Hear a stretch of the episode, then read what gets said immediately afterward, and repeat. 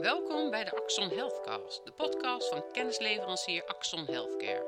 Wij bespreken de actuele onderwerpen en hot topics voor de Nederlandse gezondheidszorg. Vanaf de redactie van Axon hoort u Jan Gussen, DJ Huisman en Caspar Brak. Axon ontsluit maandelijks de farmaceutische marktcijfers. Kijken door onze oogharen vallen een paar zaken op. Uit deze data van het afgelopen jaar halen we wat brede trends die ook de komende tijd nog nadrukkelijk in het nieuws zullen gaan komen. Vandaag uh, sluit Casper Klein weer bij ons aan. Uh, hartstikke fijn dat je uh, weer bij ons wil aansluiten. Je hebt natuurlijk veel verstand ook van marktcijfers en we kennen je uit de vorige aflevering. Ja, dankjewel. Hartstikke goed. Eigenlijk vandaag de podcast staat in het teken van de Dutch Pharmaceutical Market. En dat is eigenlijk een vast hoofdstuk wat we één keer per maand publiceren in onze kennisdatabase. Als een soort samenvatting op, over de trends in de farmaceutische markt. Um, bedoeling eigenlijk van deze podcast is dat we een, een jaartje terugblikken. En um, een beetje de belangrijkste trends en ontwikkelingen in de, in de farmaceutische markt aanhalen. Uh, en dat ook linken aan wat we beleidsmatig hebben gezien vanuit VWS. En, en, en, zaken die op dat vlak de media hebben behaald. Misschien wel goed om te zeggen waarom uh, doen wij dit. Hè? Dat komt omdat Axon sinds jaar en dag deze marktcijfers vanuit de stichting Farm Inform uh, ontsluit en toegankelijk maakt voor, voor abonnees. En die data ziet eigenlijk in wat de groothandel uitlevert aan verpakkingen. Dus in, in, in volume, maar ook in, in, in lijstprijzen, in geld, aan de apotheek. Dat is wel belangrijk, want daarmee zien we geen kortingen. Hè, dus er is ook heel veel te doen over kortingen die uh, intramuraal aan, uh, aan ziekenhuizen worden gegeven. Die dan weer niet zichtbaar zijn voor zorgverzekeraars, et cetera. Um, dat is niet zichtbaar voor ons. Dit zijn alleen maar de, de lijstprijzen die worden, worden gevoerd. Dus onze bedoeling is om vooral wat brede trends te beschrijven. Hier geen bedrijfsgevoelige data uiteraard op een, op een publieke wijze rond te delen. Ja, en misschien is het wel aardig om, om met, uh, met een eerste stukje te starten. Dat is eigenlijk het algehele beeld. Als je kijkt naar die, uh, uh, naar die farmaceutische markt. Er wordt ook heel veel gesproken over de kosten van geneesmiddelen. En dan vaak in de context van de dure geneesmiddelen. En knellend budget. En zeker ook aan de ziekenhuiskant. Maar omdat we eigenlijk die gehele markt kunnen zien... is het wel aardig om ja, enigszins de nuance neer te zetten is dat als we een jaar terugkijken, dan zien we dat eigenlijk het volume, hè, dus eigenlijk noem maar eventjes uh, de, de, de, de, de verpakkingen, en wij hanteren daar dan DOTS voor, de zogenaamde Days of Treatment. Dus eigenlijk een manier om dat eigenlijk allemaal op eenzelfde manier uh, uh, naast elkaar te, te bekijken. Dat die over het hele jaar eigenlijk gelijk blijft. Terwijl de omzet over de hele markt stijgt. Als je gaat inzoomen, dan zie je dat eigenlijk aan de extramurale kant is precies omgekeerd. Daar zien we eigenlijk dat als, de, hè, als het volume gelijk blijft, dat de, het gemiddelde prijsniveau juist daalt. Daar is ook heel veel over te doen. Hè. Zeker ook afgelopen jaar in de context van medicijntekorten. De, misschien is de markt wel zo onaantrekkelijk dat uh, als er een schaarste is, dan staat Nederland niet meer voor aan om bedeeld te worden in eventuele uh, schaarste voor geneesmiddelen. En daar blijft ook veel om te doen. Dan kan je naar in onze vorige podcast over luisteren over de modernisering. Absoluut, ja. ja. Maar de andere kant is natuurlijk aan de intramurale kant, waar, uh, en dat gaat me om eigenlijk een, qua volume, nou, nog geen 5%. Die draagt wel bij aan nou, een 47, 48 procent van de kosten, zeg maar. Als het gaat om geneesmiddelen. Ook hier wel weer, zoals ik net eigenlijk aan het begin de disclaimer gaf. Dat zijn eigenlijk de lijstprijzen. Hè? Dus daar zien we niet de kortingen zoals die uh, zijn afgesproken tussen farmaceutische bedrijven en ziekenhuizen. Dus de daadwerkelijke prijzen zijn lager. Maar het geeft wel aan dat er hè, qua kostendruk, intramuraal, extramuraal, dat het bijna 50-50 uh, dreigt te worden. Hè, dat, daar, gaat het wel naartoe. Terwijl qua uh, uh, hoeveelheid medicatie is het zeg maar 5% wat extramuraal gaat, of intramuraal gaat. Dus, dus in de, de ziekenhuizen en de rest gaat extra. Dus er zit een hele hoge kostenconcentratie binnen die ziekenhuizen op dit moment als het op geneesmiddelen aankomt. En daar zit dan ook de discussie qua, okay. als dat de dure geneesmiddelen zijn en je hebt dan natuurlijk een, uh, ja, een, een reizende, stijgende zorgvraag. Uh, uh, waar je steeds meer met minder moet doen, ja, dan is dit onder andere een substantiële uitgavenpost die, die knelt. Nou, dat haalt ook heel veel de media. En als je dan nog extra moraal kijkt, dan zie je daar ook natuurlijk die lijstprijzen vermeld staan. Maar daar zitten natuurlijk ook nog weer producten bij die in preferentiebeleid onder couvert eh, worden aangeboden. Dus eigenlijk zouden die kosten misschien daar ook nog zelfs iets lager kunnen. zijn. Ja. ja, wat we afgelopen jaar hebben gezien, wat wel een interessant fenomeen was, heeft ook veel de media eh, gehaald, is dat in de markt van de TNF alpha-remmers, waar er al heel veel uit patent waren, de laatste grote eh, adalimumab van patent ging en ehm, waar natuurlijk heel veel zeg maar, biosimilars klaar stonden om eh, ook die markt te, betreden.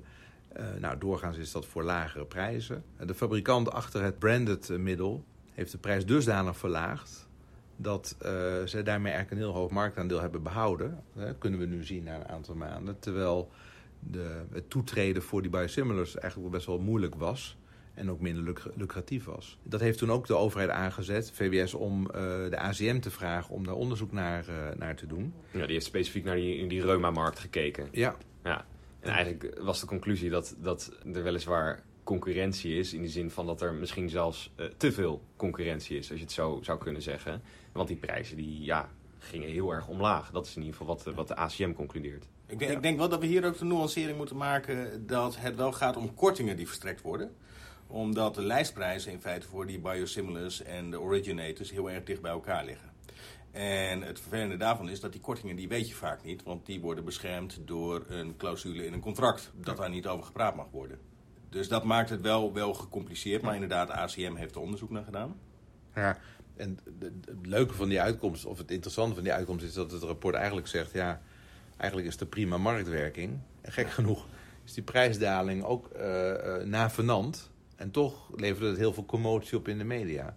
Maar er zat ook wel één stukje in, hè, dat als je natuurlijk onder voorwaarden, bij wijze van spreken, zegt van ja, maar goed, je moet dan wel dit geneesmiddel ook afnemen. eh, bij, eh, eh, in, in andere situaties, dan krijg je natuurlijk een soort onderhandelen onder bepaalde voorwaarden. Waarvan de ACM heeft gezegd van ja, dat kan, moet niet altijd mogen. Hè? Dus dat is wel iets waar we nog wel specifiek naar willen kijken. En in de toekomst ook wel op monitoren dat dat goed gaat. Maar overal was eigenlijk de uitkomst heel, heel positief.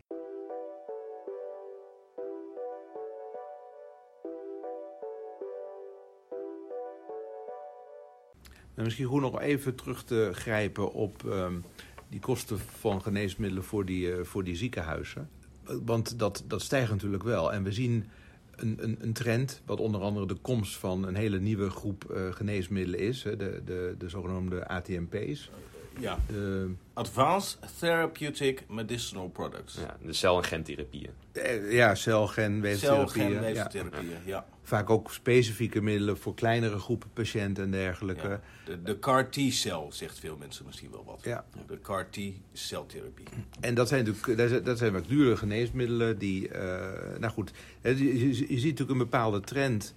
Ehm, ehm, en voor die ziekenhuizen geldt van ja, eh, in de loop der tijd stijgt gewoon eh, de, die, die kostencomponent van, nou wat is ongeveer als we er cijfers aan plakken? Is ongeveer? Nou, dit- nu is het zo'n zo'n 7% eh, onderdeel van, het, van, de, van de kosten in het ziekenhuis. En dat zou nu met die nieuwe prijzen allemaal zitten- stijgt dat naar de 8, 9%. Maar nog steeds zijn dat de lijstprijzen. Het zijn hè? lijstprijzen. Ja. Wat die Ja. Straks ook zei, de- je ziet daar natuurlijk niet de, de, de Nee. kortingen in Nee. verdisconteerd. Maar dat zit dus allemaal in het ziekenhuisbudget. Ja. De ziekenhuizen moeten dat zelf ophoesten. Ja, Ja. maar goed, eh, eh, die kortingen, daar is natuurlijk veel over te doen... omdat de zorgverzekeraars eh, daar ook niet voldoende zicht op hebben. Hè, dus die zeggen van ja, weet je, wij vergoeden de volle map. En eh, we zien daar dat niet voor terug. Hè.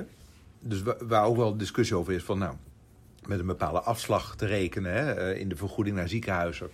Gewoon, we gaan ervan uit dat jullie een bepaalde korting bedingen. Ja, dan gaan we gewoon alvast uit in, in de vergoeding naar jullie toe. Maar binnen die kosten van het ziekenhuis, meer dan de helft van de kosten, dat zijn de personeelskosten. En natuurlijk, eh, Sean Detail met de recente CAO die is afgesloten met hoge salarissen en dat soort dingen, overigens waar de financiering nog niet helemaal van rond is. Dat drukt toch veel sterker eh, op, op de hele kostenhuishouding van die ziekenhuizen. Dus het ligt veel ge- gecompliceerder, maar je ziet dat de discussie vaak redelijk geïsoleerd is gegaan over kosten van geneesmiddelen. En misschien wel aardig dat in die context natuurlijk ook als er over duur geneesmiddelen wordt gesproken, dan, wordt, dan gaat het eigenlijk in technische zin over relatief kleinere groep geneesmiddelen intramuraal. Klein, een klein groepje geneesmiddelen maakt het totale bedrag hoog. Ja. Ja, dat is eigenlijk die. Ja. eh, en ehm, heel veel maatregelen die ook natuurlijk ehm, ehm, al waren geformuleerd in het regeerakkoord eh, aan kostenbesparing, zowel aan geneesmiddelen en, eh, en, en hulpmiddelen eh, kant vanuit Bruins. Nou, daar zijn natuurlijk heel veel recente zaken, of, de, of moeten nog gaan plaatsvinden. Denk aan de WGP-wijziging, denk aan verdere overheveling, denk aan modernisering GVS-systeem die nog gaat komen, denk aan, eh, we hebben het heel veel discussie over magistrale bereiding gehad. Nou, heel veel zaken die in deze context worden besproken in de context van dure geneesmiddelen. Maar gek genoeg zijn heel veel dingen die ik noem lang niet altijd specifiek op die, op die groep aan, die, eh, in, aan die intramerale middelen gekoppeld. Want nog even één één stukje context. Je noemt overheveling, dat is iets waar dit kabinet mee door is gegaan. Maar daar is eh vorig minister Schippers mee gestart in 2012. Juist met Ja, die TNF TNF Alpha, Alpha. waar we het net ook over hadden. Ja. Die is toen van het extramurale apotheekstuk naar het ziekenhuis uh, Qua, bekostiging. Qua Ja. bekostiging. Ja. Juist om daar meer concurrentie te stimuleren en dat soort dingen. Ja, maar de ziekenhuizen, creëren eigenlijk. Hè? je ziet dat dat ook zeker in die marktcijfers terug, dat, dat, dat ziekenhuizen ook ja, daar meer kosten aan kwijt zijn. En misschien om dan nu af te maken over overheveling, is dat eigenlijk eh, volgens mij net voor de kerst. eh, de minister heeft eh, verduidelijkt wat, eh, wat dan nu het plan is voor verder overheveling. Dat betreft dan in per januari 2021 onder andere de immunoglobuline. eh, en het jaar daarop in januari de epoetines en eh, CSF. eh, C- C- ja, eh, agents. En bij elkaar moet dat dan een besparing van 12 nou, miljoen 12 ongeveer. Dus Ja. dat is natuurlijk relatief op het hele budget niet zo heel En dan veel. zijn er geen andere groepen meer die in aanmerking komen voor In principe is gezegd, er wordt niet verder onderzocht naar uh, verdere overheveling. Althans, binnen deze Ja, dus voor nu is dat instrument wel even uitgespeeld. Ja. Het op zich wel goed om- om te benoemen, dat hebben we in het begin ook gedaan, dat, dat we dus zien dat eh, ook zeker afgelopen jaar weer veel meer, nou ja, het ziekenhuis veel belangrijker is geworden als het gaat om geneesmiddelen. Daar, ja, eh, dat hebben we net geconcludeerd. Maar we zien ook dat dat de komende tijd meer zal gaan toenemen. Ook eh, met die ATMP's die we net hebben benoemd. eh, cel- en gentherapieën, hele speciale, innovatieve type geneesmiddelen. Ja, die, die zitten in de pijplijn. Die komen er de komende, nou, pakweg vijf jaar komen die eraan. Ja, en dat landt ook in het ziekenhuisbudget. Dus het zal echt een, een- ja, dat zal nog meer gaan groeien, is onze verwachting. Ja, ja goed. En de hele eh, aangekondigde eh, GVS-modernisering die dan nog moet gaan komen. Althans, de implementatie valt buiten deze regeerperiode. Die, ja, die raakt vooral natuurlijk de extramurale eh bekostigde Ja. eh, middelen. Hè. Dus ook, ook dat wordt al heel snel in de context ge- ge- gebracht van de duur geneesmiddelen. Maar daar zitten eigenlijk deze middelen helemaal niet in. Dus dat is een hele andere eh, discussie. Dat- en daar zie je eigenlijk een opeenstapeling van instrumenten vanuit de overheid om kosten te besparen.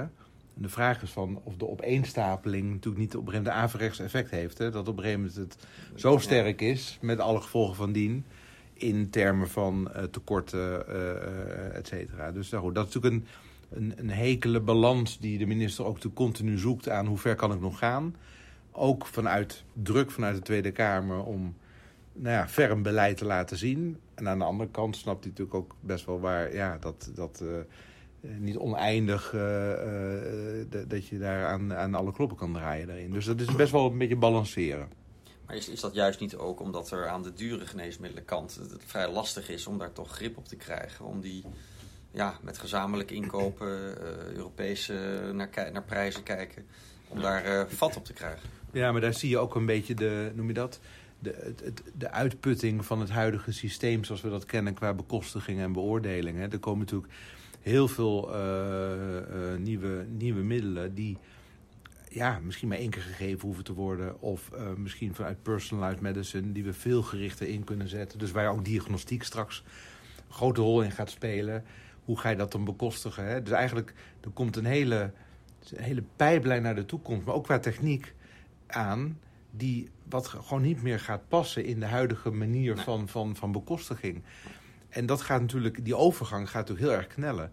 Wij kijken natuurlijk nu naar een klein potje, een budget, en dat gaat vaak op een jaar. En dan, oh ja, een duur geneesmiddel moet daaruit. Maar als je onder de streep misschien gaat kijken, kan het best zijn, ik weet niet of dat zo is, maar dat een nieuwe therapie of een nieuwe, ja, een hele journey die een patiënt doorheen kan gaan. eh, als je dat optimaal maakt, eh, dan kan je daar misschien best wel duurdere elementen in, in bouwen. Maar dat onder de streep die patiënt A beter af is. En misschien eerder ontslagen kan zijn uit het ziekenhuis... of makkelijker thuis behandeld kan worden... misschien weer eerder terugkeert in een arbeidsproces. En, en dat breed maatschappelijk uh, bekeken qua kosten het misschien wel lager is. Voor de samenleving. Voor de samenleving, met een, een mooier en beter resultaat. Dus in het kader van hè, uitkomstgericht en dergelijke... ga je natuurlijk langzaam, moet je daar wel naar gaan kijken. Maar dat is natuurlijk heel moeilijk in een vast regeerperiode... met vaste budgetten en dergelijke om zo'n omslag denk ik, En hoe meet je dat? Kijk, je kan natuurlijk heel makkelijk meten hoe duur iets is en dat zet je ergens tegen af. Maar als je dus ook wil meten van nou ja, hoeveel levert het op als iemand dan weer sneller terug uh, op de arbeidsmarkt is, ik noem maar even een dwarsstraat. En hoe, me, hoe, meet je dat soort dingen? Ja, ja. En, en andere uh, kwalitatieve elementen, hè? kwaliteit van leven en dingen. En wat voor prijskaartje mag je aan iets hangen op dat hele andere discussies. Maar dat zit hier natuurlijk wel onder.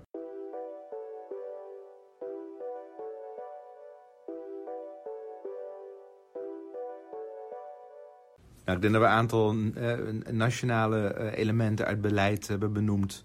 Uh, in relatie tot, tot de farmaceutische ontwikkelingen. En misschien wel goed om af te sluiten met...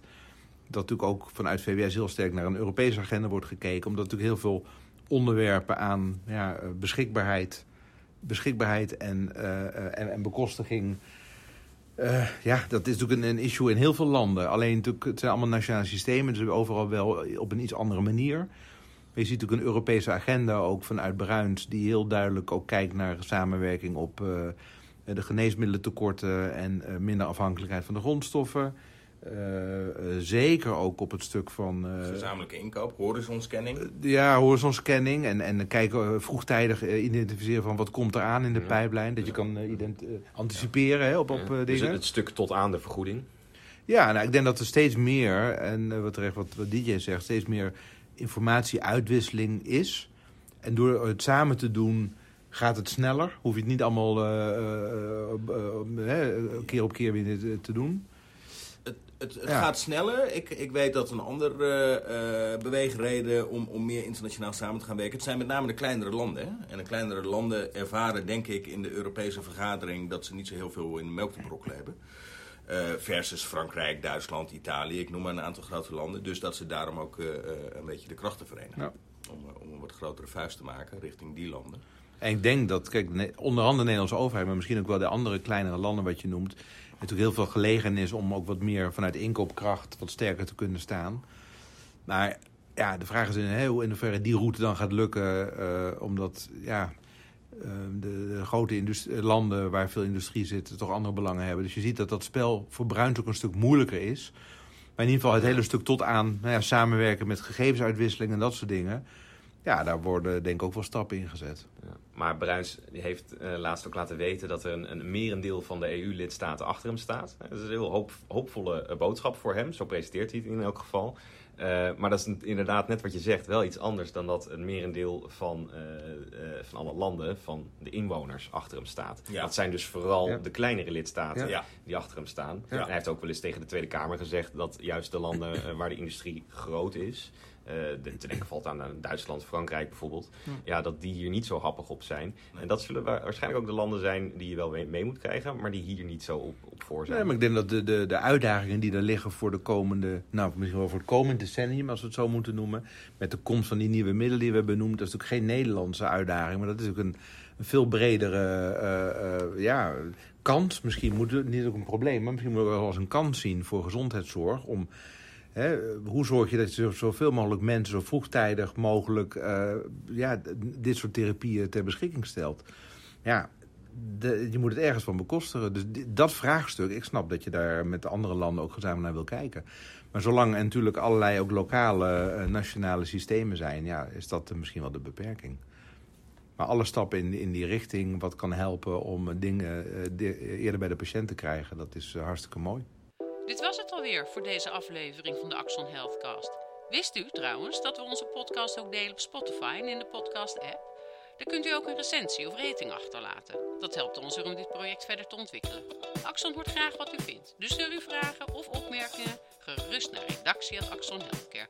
Hartelijk dank voor het luisteren. Graag tot ziens.